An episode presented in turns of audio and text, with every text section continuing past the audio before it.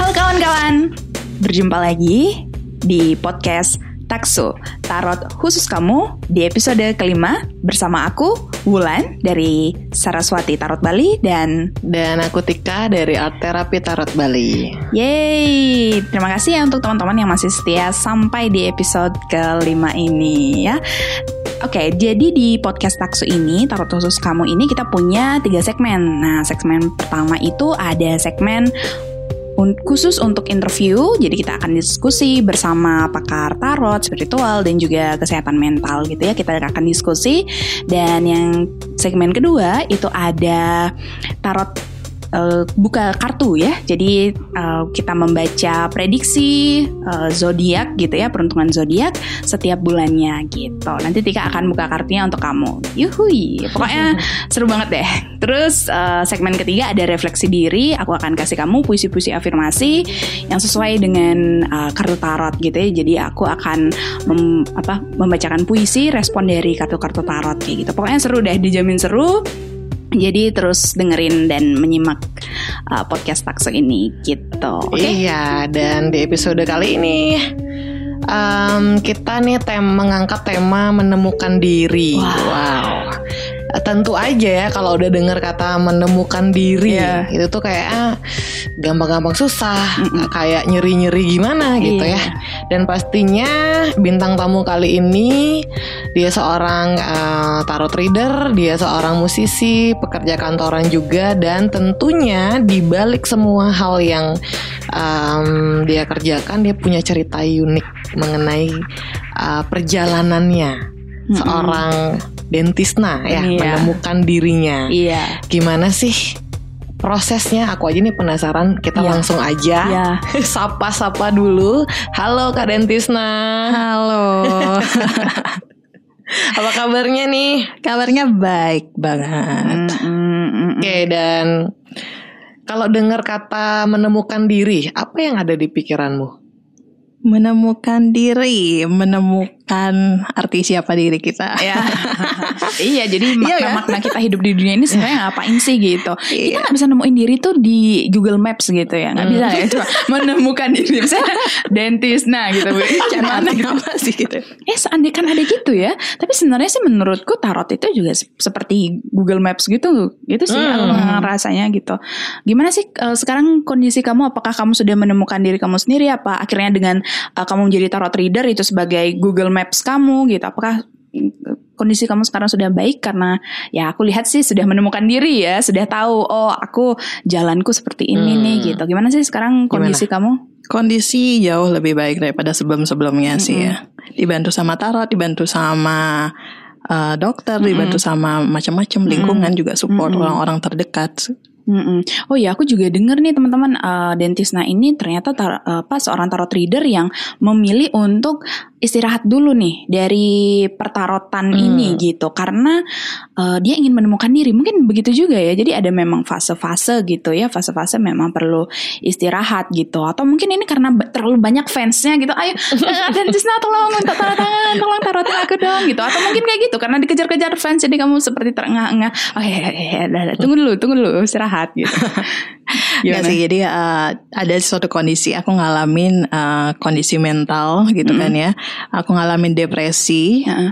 dan anxiety disorder juga. Jadi menyebabkan aku susah untuk berkomunikasi sama orang gitu. Oh, oke. Jadi daripada aku merasa beban ketemu sama orang, jadi aku uh, merasa narik diri dulu aja gitu ya, nenangin diriku dulu aja. Dan sempet aku uh, berpikir ngapain sih aku jadi tarot reader, ngapain sih aku harus mendengarkan orang gitu kan ya. Jadi apa sih uh, gunanya aku ada di sini? Jadi aku pengen berhenti gitu aku waktu itu. Jadi waktu itu belum menemukan diri. Uh, ya belum, Oke. jadi aku masih kacau gitu Oke. ya, kacau dan semakin kacau karena uh, dicampur sama urusan-urusan orang gitu loh, kayak itu bukan bukan bukan urusanku, aku merasa seperti itu gitu. Tapi seiring berjalannya waktu ternyata aku nggak bisa tanpa tarot gitu. Ah. Aku merasa itu seperti bagian dari aku yang kalau dia itu hilang itu kayak soulmateku kayak hampa aja gitu Kayak gitu sedih gitu nggak rasanya. sih ngerasa? Ah, kayak aneh gitu loh aku ninggalin dia tapi ujungnya aku yang balik lagi sama dia kayak gitu. puzzle ya kayak kayak apa ya kayak apa namanya ada kepingan diri yang hilang. Ah, jadi kayak pas Hmm, iya, kalau kayak gitu. kehilangan itu ya kayaknya nggak seimbang gitu. Iya. Wow.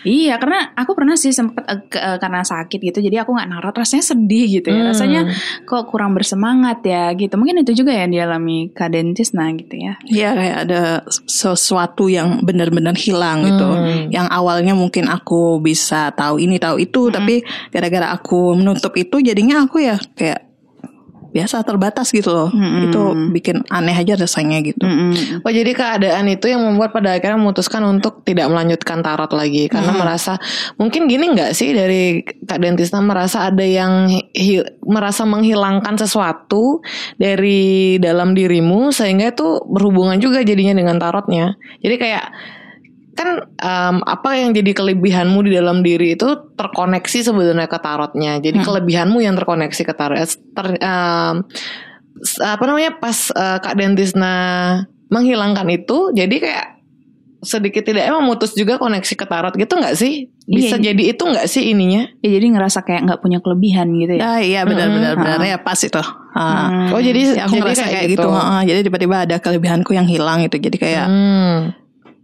Hmm, kayak ngerasa tidak useless gitu. Sempat ada ngerasa useless juga. Mm-mm.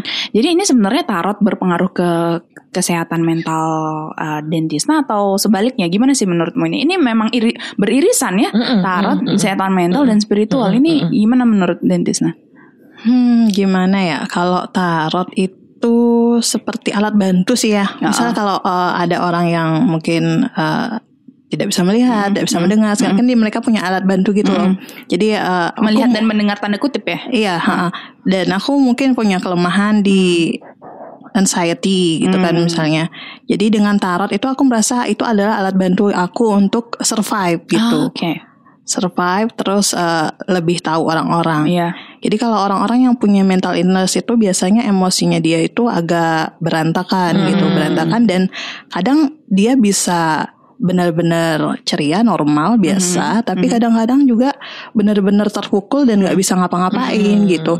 Tapi dengan tarot itu jadi kita memaksa untuk bertemu dengan orang-orang yang ternyata kehidupannya itu lebih berat daripada kita. Hmm. dengan dengan melihat seperti itu kita jadi seperti tertampar dan tersadar kalau kamu harusnya eh, bagus ini kalau kamu harusnya bisa bersyukur bisa belajar dari mereka dan sama-sama belajar satu sama lain.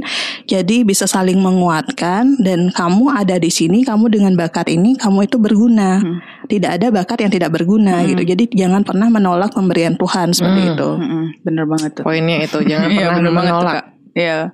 Dan tapi memang pastinya nih em, akan ada sih fase-fase di mana kita kenapa sih kok harus aku yang mendapatkan ini? Gitu kenapa sih Tuhan nggak adil? Kenapa nggak orang lain aja? Kenapa harus jadi kayak awal em, apa namanya kadang-kadang hadiah itu dikemas tuh dalam bentuk beban gitu dalam bentuk suatu yang apa ya kayak membuat kita jadi beda sama orang lain gitu. Membuat kita jadi kayak diintimidasi dan yang lain-lain. Bahkan itu membuat kita jadi kayak kena cedera-cedera mental gitu kan. Padahal kalau ditelusuri lagi lebih dalam ya itu sebuah hadiah sebenarnya buat kita gitu. Itu sih yang kadang mungkin prosesnya Kak Dentisna itu berlapis-lapis gitu. Jadi nggak langsung ke nggak langsung ke apa namanya ke ke dagingnya gitu. Jadi kayak harus ada kulit kulit kulit dulu yang dikupas gitu. Wow. Tapi kalau boleh tahu itu eh, Kak Dentisna sejak kapan sih merasa ada gangguan-gangguan atau cedera-cedera dalam dirimu gitu Kalau gangguan itu sih sepertinya 2013-2014 kayaknya ya. Cuman kan aku uh, masa bodoh gitu kayak ya udahlah mungkin galau-galau biasa kan itu umur-umur labil ya emang seumur umur segitu tuh kan. Uh, terus ya aku nggak tahu, aku cerita ke teman, ah kamu lebay gitu. Ah jangan kamu mengada-ngada sakit sendiri yang self diagnose gitu kan juga nggak bagus kan. Akhirnya 2019 baru aku berani ke dokter karena karena ya udah kayak pingsan gitu kirain vertigo kirain kenapa kenapa aku check up semuanya normal sampai sempat dioperasi juga gitu. Tapi nggak ada kenapa kenapa akhirnya aku memutuskan ke psikiater terus aku disaranin minum obat dan memang kondisinya membaik gitu. Dan sekarang sudah proses mengurangi obat. Mm-mm. tapi kalau boleh tahu ciri-cirinya tuh gimana sih gitu seorang eh, anxiety disorder anxiety disorder Ah, jadi- ciri-ciri heeh. yang paling sekarang mendominasi itu gangguannya itu kan Iya, Nah. sama depressionnya. Oh, depresi ya. Gimana sih eh, tubuhmu bereaksi terhadap cedera itu gitu? Kalau anxiety-nya sih kita, kalau aku kan general anxiety disorder itu Hmm. gampang cemas segala macem hal gitu kan ya. Jadi mau keluar itu, aduh nanti aku kenapa ya gitu. Terus misalnya ke- kepala jadi sakit banget gitu, padahal nggak ada masalah. Hmm. Terus tiba-tiba mual, tiba-tiba sesak napas, pokoknya yang aneh-aneh gitu lah, pokoknya yang nggak masuk akal gitu. Hmm, berarti kalau ada fase di di fase yang kritis seperti itu, biasanya gimana sih cara kamu mengatasi itu? Biasanya karena aku ya mau nggak mau memang harus minum obat gitu ya. Oke. Hmm. Jadi soalnya orang dengan eh, kondisi mental yang seperti aku sebutkan itu biasanya mereka kekurangan serotonin di otaknya. Oke. Jadi dokter itu ya jadi dokter itu menggunakan serotonin eh, dalam bentuk ya kimia, dalam bentuk obat. Hmm. Kita suruh di kita suruh minum. Kemudian ya biar otak kita stabil lagi seperti normal gitu. Dan itu memang berfungsi. Tapi aku sampai saat ini sih aku belum tahu gimana efek jangka panjangnya gitu ya. Walaupun dokter bilang baik-baik aja, baik-baik aja gitu. Tapi akunya sendiri masih "Ya namanya obat kimia gimana ya, gimana ya namanya. banyak pertanyaan ya kalau orang anxiety disorder tuh banyak banget dia punya pertanyaan di kepalanya. Iya. Oh jadi kayak kenapa hidupku kayak gini Kenapa aku Ya sih sebenarnya aku juga dulu tahun 2011 tuh kayak gitu Bahkan itu tuh aku pikir udah sembuh kan Karena juga sempet terapi obat Sudah lepas, sudah sembuh Ternyata akhir tahun 2019 itu kumat lagi Dan itu tuh pas aku lagi nyanyi Aku lagi nyanyi tiba-tiba kondisiku tuh kayak emang lagi lagi panik gitu Aku pikir tuh panik biasa Tiba-tiba tuh datang segerombolan orang yang teriak gitu, yang rame banget dan dia duduk di depanku. Langsung jantungku kayak copot no. Jadi kayak kayak keram gitu, nggak bisa ngapa-ngapain gitu. Dan aku di situ kayak ya kayak apa namanya berpikir bahwa wah ini tuh ternyata eh, cedera mental itu nggak bisa bener-bener sembuh gitu loh. Iya. Itu tuh bakal ada fase yang memang dia mat, emang dia stabil. Tapi kalau ada yang memicu lagi, itu tuh Bangun bisa lagi. eh, gitu kan. iya. Itu tuh aku lebih aware lagi jadinya sama sama apa namanya kesehatan mental gitu bahwa oh ternyata karena dulu waktu aku ketemu fase depresi juga itu malah yang iya iya aja nurut gitu kan dikasih tahu ini nurut. Aku nggak tahu kenapa aku harus kayak gitu. Yang penting intinya tuh aku mau di treat gitu. Aku mau di treatment aku mau disembuhkan. Tapi ternyata ya gitu. Karena itu memang mungkin sebuah cedera yang nyembuhinnya juga berlapis-lapis gitu. Nggak kalau menurutku sih nggak cuman dengan sekedar eh, obat aja Benar. gitu. O- maksudnya obat dalam bentuk yang sebenarnya ya obat-obat pil atau kapsul gitu. Tapi mungkin ada yang gini pernah nggak melakukan sesuatu yang maksudnya terapi yang di lu- selain dengan obat Selain dengan obat, biasanya aku eh, bercerita sama temanku yang psikolog. Dia ada Oke. psikolog. Aku biasanya sharing sama dia. Cuman kadang-kadang dia susah ditemuin kan orangnya Oke. sibuk banget. Jadi aku eh, mau nggak mau paling nulis. Oh, terus ya. Nulis itu penting banget loh. Iya. yes Terus aku bikin kayak rekaman suaraku sendiri kayak Oke. cerita gitu. Karena Oh, iya, aku males iya. banget cerita sama orang. Oke, ya ya Karena penyakitku ini tuh susah sekali dimengerti gitu. Hmm. Cara cerita sama orang nanti cenderungnya lebay Hmm. gitu. Menganggap diri "Ya, apa sih apa sih gitu. Biasain aja kenapa. Hmm, iya bener tuh. Aku aku juga em, punya banyak banget ya buku-buku catatan gitu ya. Pertama kalau ada orang yang menyarankan aku, udah eh, kamu tulis aja gitu. Jadi kamu eh, kamu tulis aja apa yang kamu rasain gitu. Sebagai aku ya, sebagai seorang penulis yang aku memang suka nulis, tapi untuk menuliskan eh, perasaan ketika lagi masa kritis itu kok rasanya nggak mau ya gitu. Rasanya ada perasaan duh males gitu, kayak rasa kayak menyepelekan gitu. Hmm. Tapi aku ya aku coba nih melangkah Hmm, gitu kan. hmm, Yang penting aku mau sembuh kan intinya gitu. Akhirnya aku nulis, akhirnya ya em, baru aku melihat, wah pikiranku ada banyak ini dan bercabang pantesan.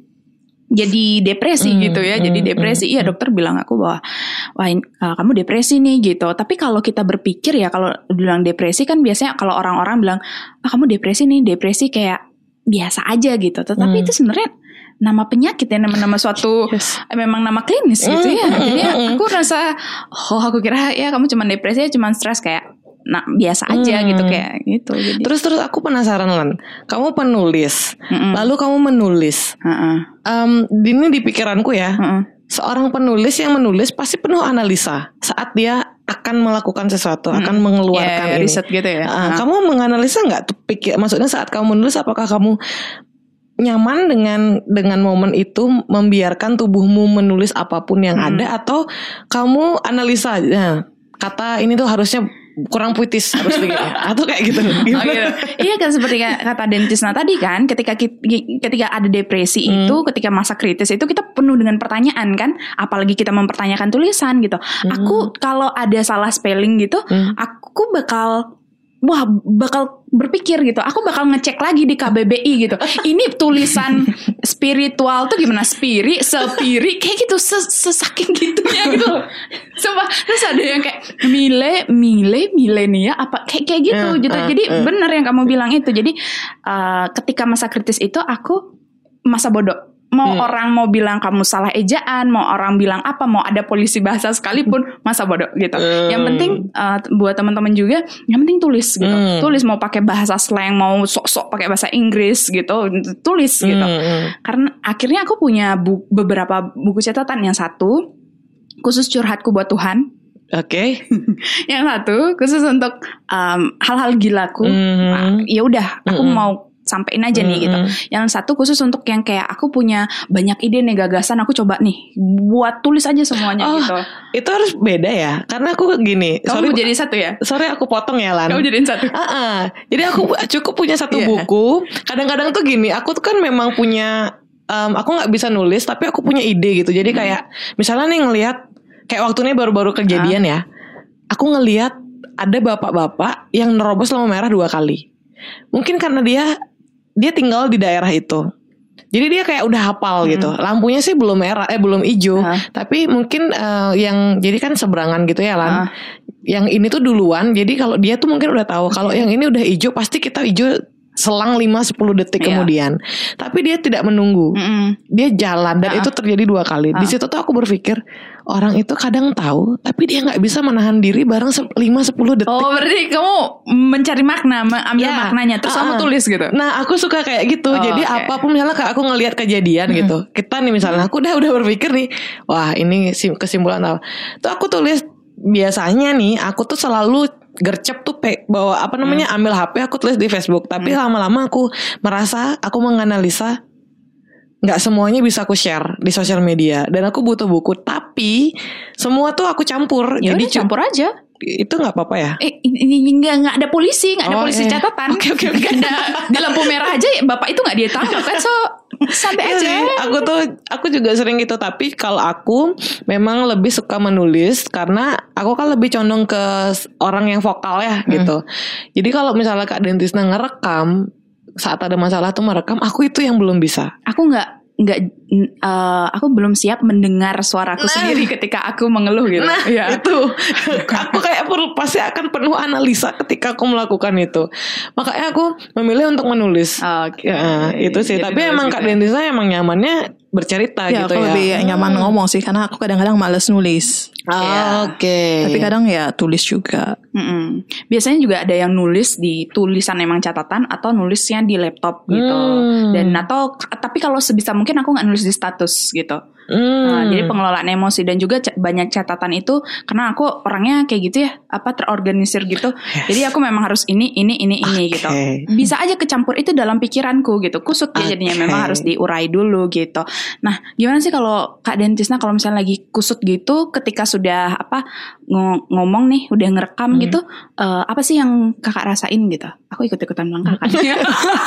Gimana sih apa sih yang Kakak rasain? apakah itu akan didengar lagi apa udah hapus setelah Uh-uh. cerita atau Uh-uh, dihapus? nah, itu aku juga. dengar lagi biasanya. Oh, oke. Jadi itu perasaan yang aneh mendengar lagi.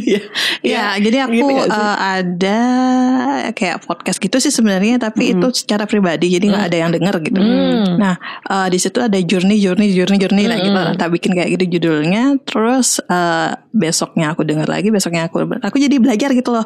Oh, ternyata di tanggal segini aku progresnya kayak gini, yang ini kayak gini, gini, gini, dan itu ada perkembangan gitu. Oh, Syukurnya ya. kayak gitu gitu.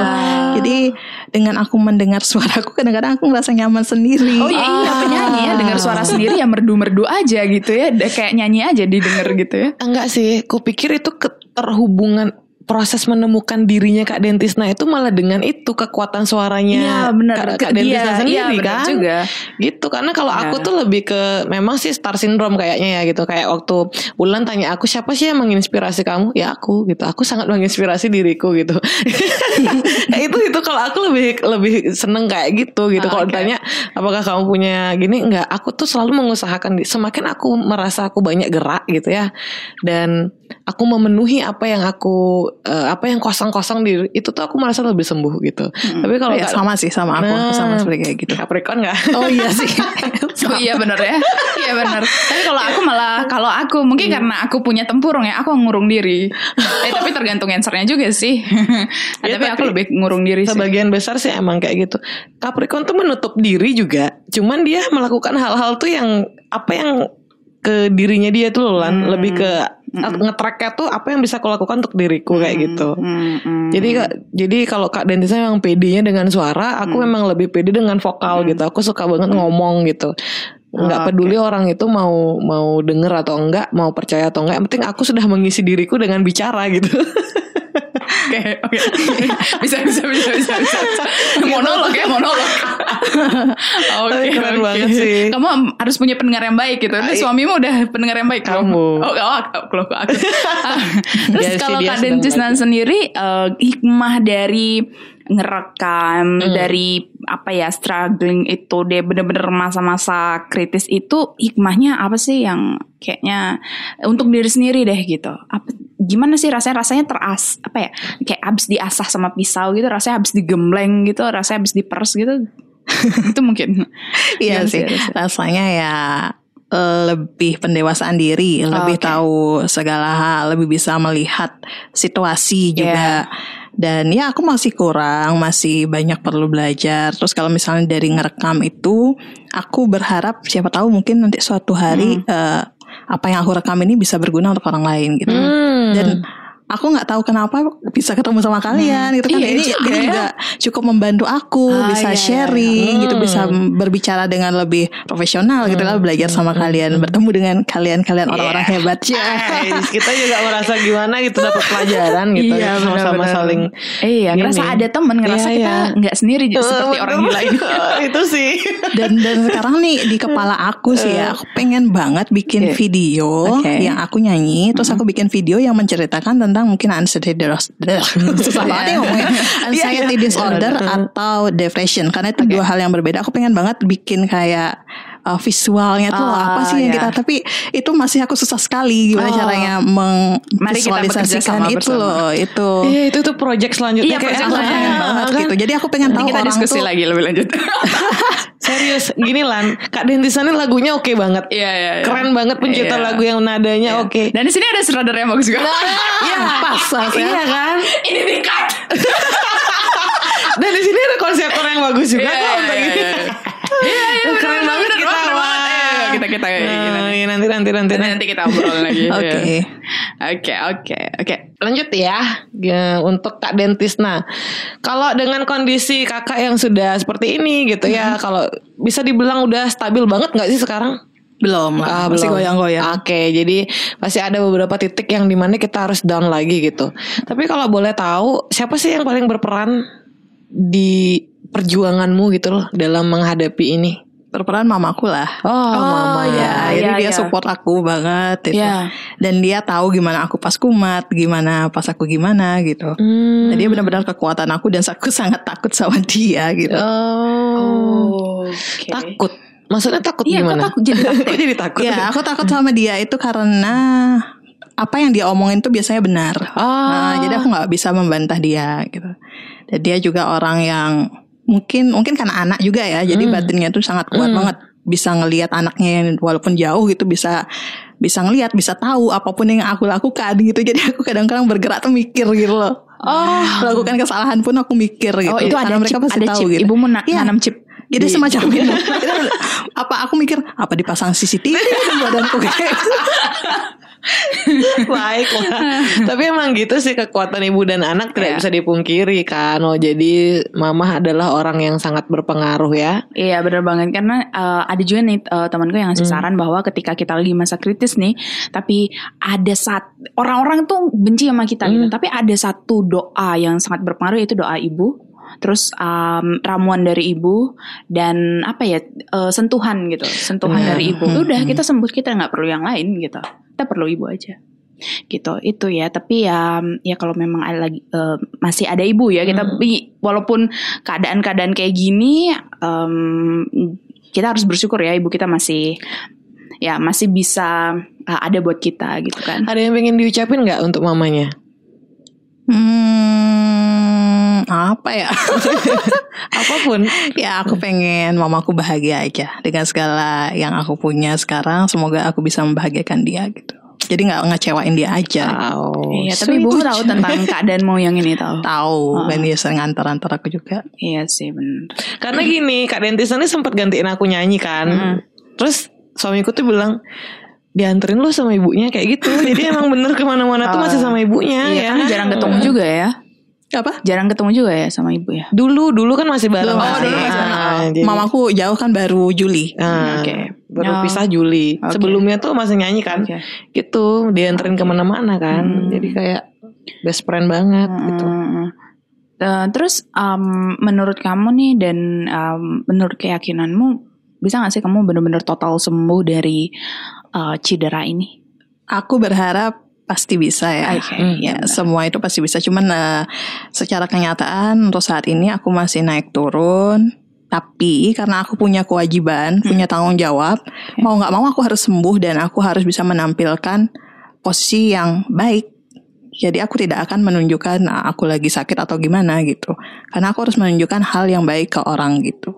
Harus profesional lah modelnya namanya. Iya benar-benar. Sekaligus untuk menyembuhkan aku gitu. Aku nggak boleh kayak gini terus. Iya benar-benar. Tapi di hari ini kakak speak up bahwa kak Dentisna punya gangguan, punya cedera mental. Iya. Tapi kondisimu oke banget dan maksudnya iya maksudnya kelihatannya tuh kesannya saya saya memang nggak sempurna, saya punya sakit, tapi saya pingin eh, menunjukkan yang terbaik buat orang-orang kayak gitu kan. Karena eh, Kak Dencisnya sudah sudah sudah prepare ya. Kan kan tadi sebelum ada ritual gitu ya mungkin udah sudah istirahat dulu sudah Iya, makan benar, dulu udah tidur. Oh, udah tidur kan? Itu. Jadi ada ritual dulu sebelumnya pasti gitu kan. Tapi kan itu bukan berarti tidak bertopeng ya. Yang penting Oh, yang penting iya. kan tetap menampilkan diri Ah, sendiri kan. iya. cuman kita harus memilah-milah yang mana Yes. yang mana bisa ditampilkan yang mana ya Iya ya benar benar Iya. benar benar. Mm, Tahu tidak. tempatnya lah ya itu gitu. menempatkan secara tepat. Oke, terakhir nih.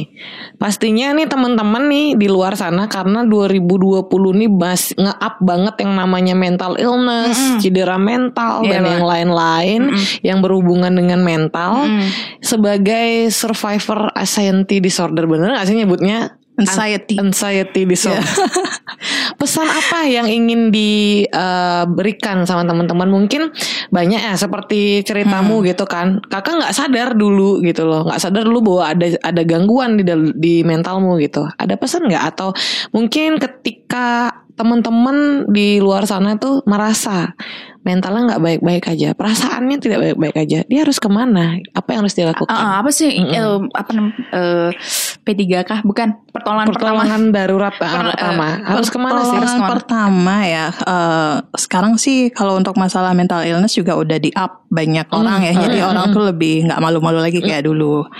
Kalau saran aku sih cari orang yang mengerti pertama contohnya psikiater atau psikolog Hmm. tapi kalau malu eh, karena takut dianggap gila nggak waras atau segala macam padahal nggak gitu sih sebenarnya yang Eh, cari aja temen terdekat yang mungkin bisa diajak bicara dulu Oke, gitu. teman terdekat, cari Ya. teman terdekat. Terus yang kedua, cari teman terdekat nanti eh, secara otomatis dia akan mengarahkan ke sesuatu hal iya. pengobatan ada aja. Pokoknya kalau kita udah niat untuk menyampaikan beban kita itu pasti akan ada pertolongan gitu. Ya, dari yang benar, atas benar, gitu. Benar. Mm-mm. nah dari sana psikiater dua orang itu aja sih orang terdekat ke psikiater. Habis itu kita manage sama eh, pengetahuan kita baca-baca dengar-dengar eh, banyak sharing sama orang-orang juga gitu. Nanti akan berkembang sendiri gimana cara penyelesaiannya. Kita Wah. observe dari diri sendiri juga Hmm. Ya itu teman-teman ya. Jadi yang pertama uh, jangan malu untuk terbuka dengan orang yang tentunya kalian percaya. Um, entah itu tuh sahabat, entah itu keluarga atau memang kalau uh, memang harus maksudnya pingin detail banget ya langsunglah ke orang yang Hmm. Um, maksudnya kayak psikiater atau psikolog yang memang udah ahlinya Hmm. gitu jangan menunda lagi gitu. Hmm. kalau emang sudah rasanya nggak kuat banget dengan keadaan gitu Hmm. ya atau ada perubahan-perubahan yang terjadi. Terus banyak belajar juga karena kita nggak bisa apa sih self Diagnosis. Nah, bisa, nggak nggak bisa boleh. juga. Ah, nggak bisa juga kita melakukan itu. Jadi ah, belajar yang banyak gitu. Mungkin sekarang kan informasi itu udah nggak pelit ya gitu ya sosial media tuh banyak banget me- memberikan itu terus mm, buku-buku juga yang dijual juga eh, aku pikir udah nggak nggak yang Nggak sesulit Ah, nggak sesuai dulu menerjemahkannya bahasanya pun juga udah gini jadi mungkin bisa dipelajari melalui buku atau informasi yang ada di sosial media Iya, dan salah satunya juga dari podcast ini juga ya. Jadi Iya, ngerasa benar. ada temen Iya, gitu iya, ya. iya, benar. Dan eh, pastinya kalau kalian merasa tidak baik-baik baik-baik aja, kalian belum tentu gila atau kalian punya cedera mental, kalian itu bukan orang gila, itu sih yang perlu ditekankan. Kalian itu hanya mungkin itu sebagai sebuah proses untuk kalian menemukan diri kalian melalui benar. cedera ini kayak gitu. Iya, bener banget sih. Semoga teman-teman di sana yang yang mendengarkan podcast ini semakin banyak yang menemukan diri teman-teman, makin banyak yang terobati. Semoga teman-teman juga uh, semakin sehat mental, jasmani dan rohaninya gitu, Cie. Mendadak jadi spiritual nih. Oke, eh, kamu ada yang ditanya lagi ke Kak Dentisa? Itu aja sih Hmm. udah. Oke, Udah terima kasih banyak jelas. ya Kak Terima kasih juga. Terima kasih banyak untuk waktunya.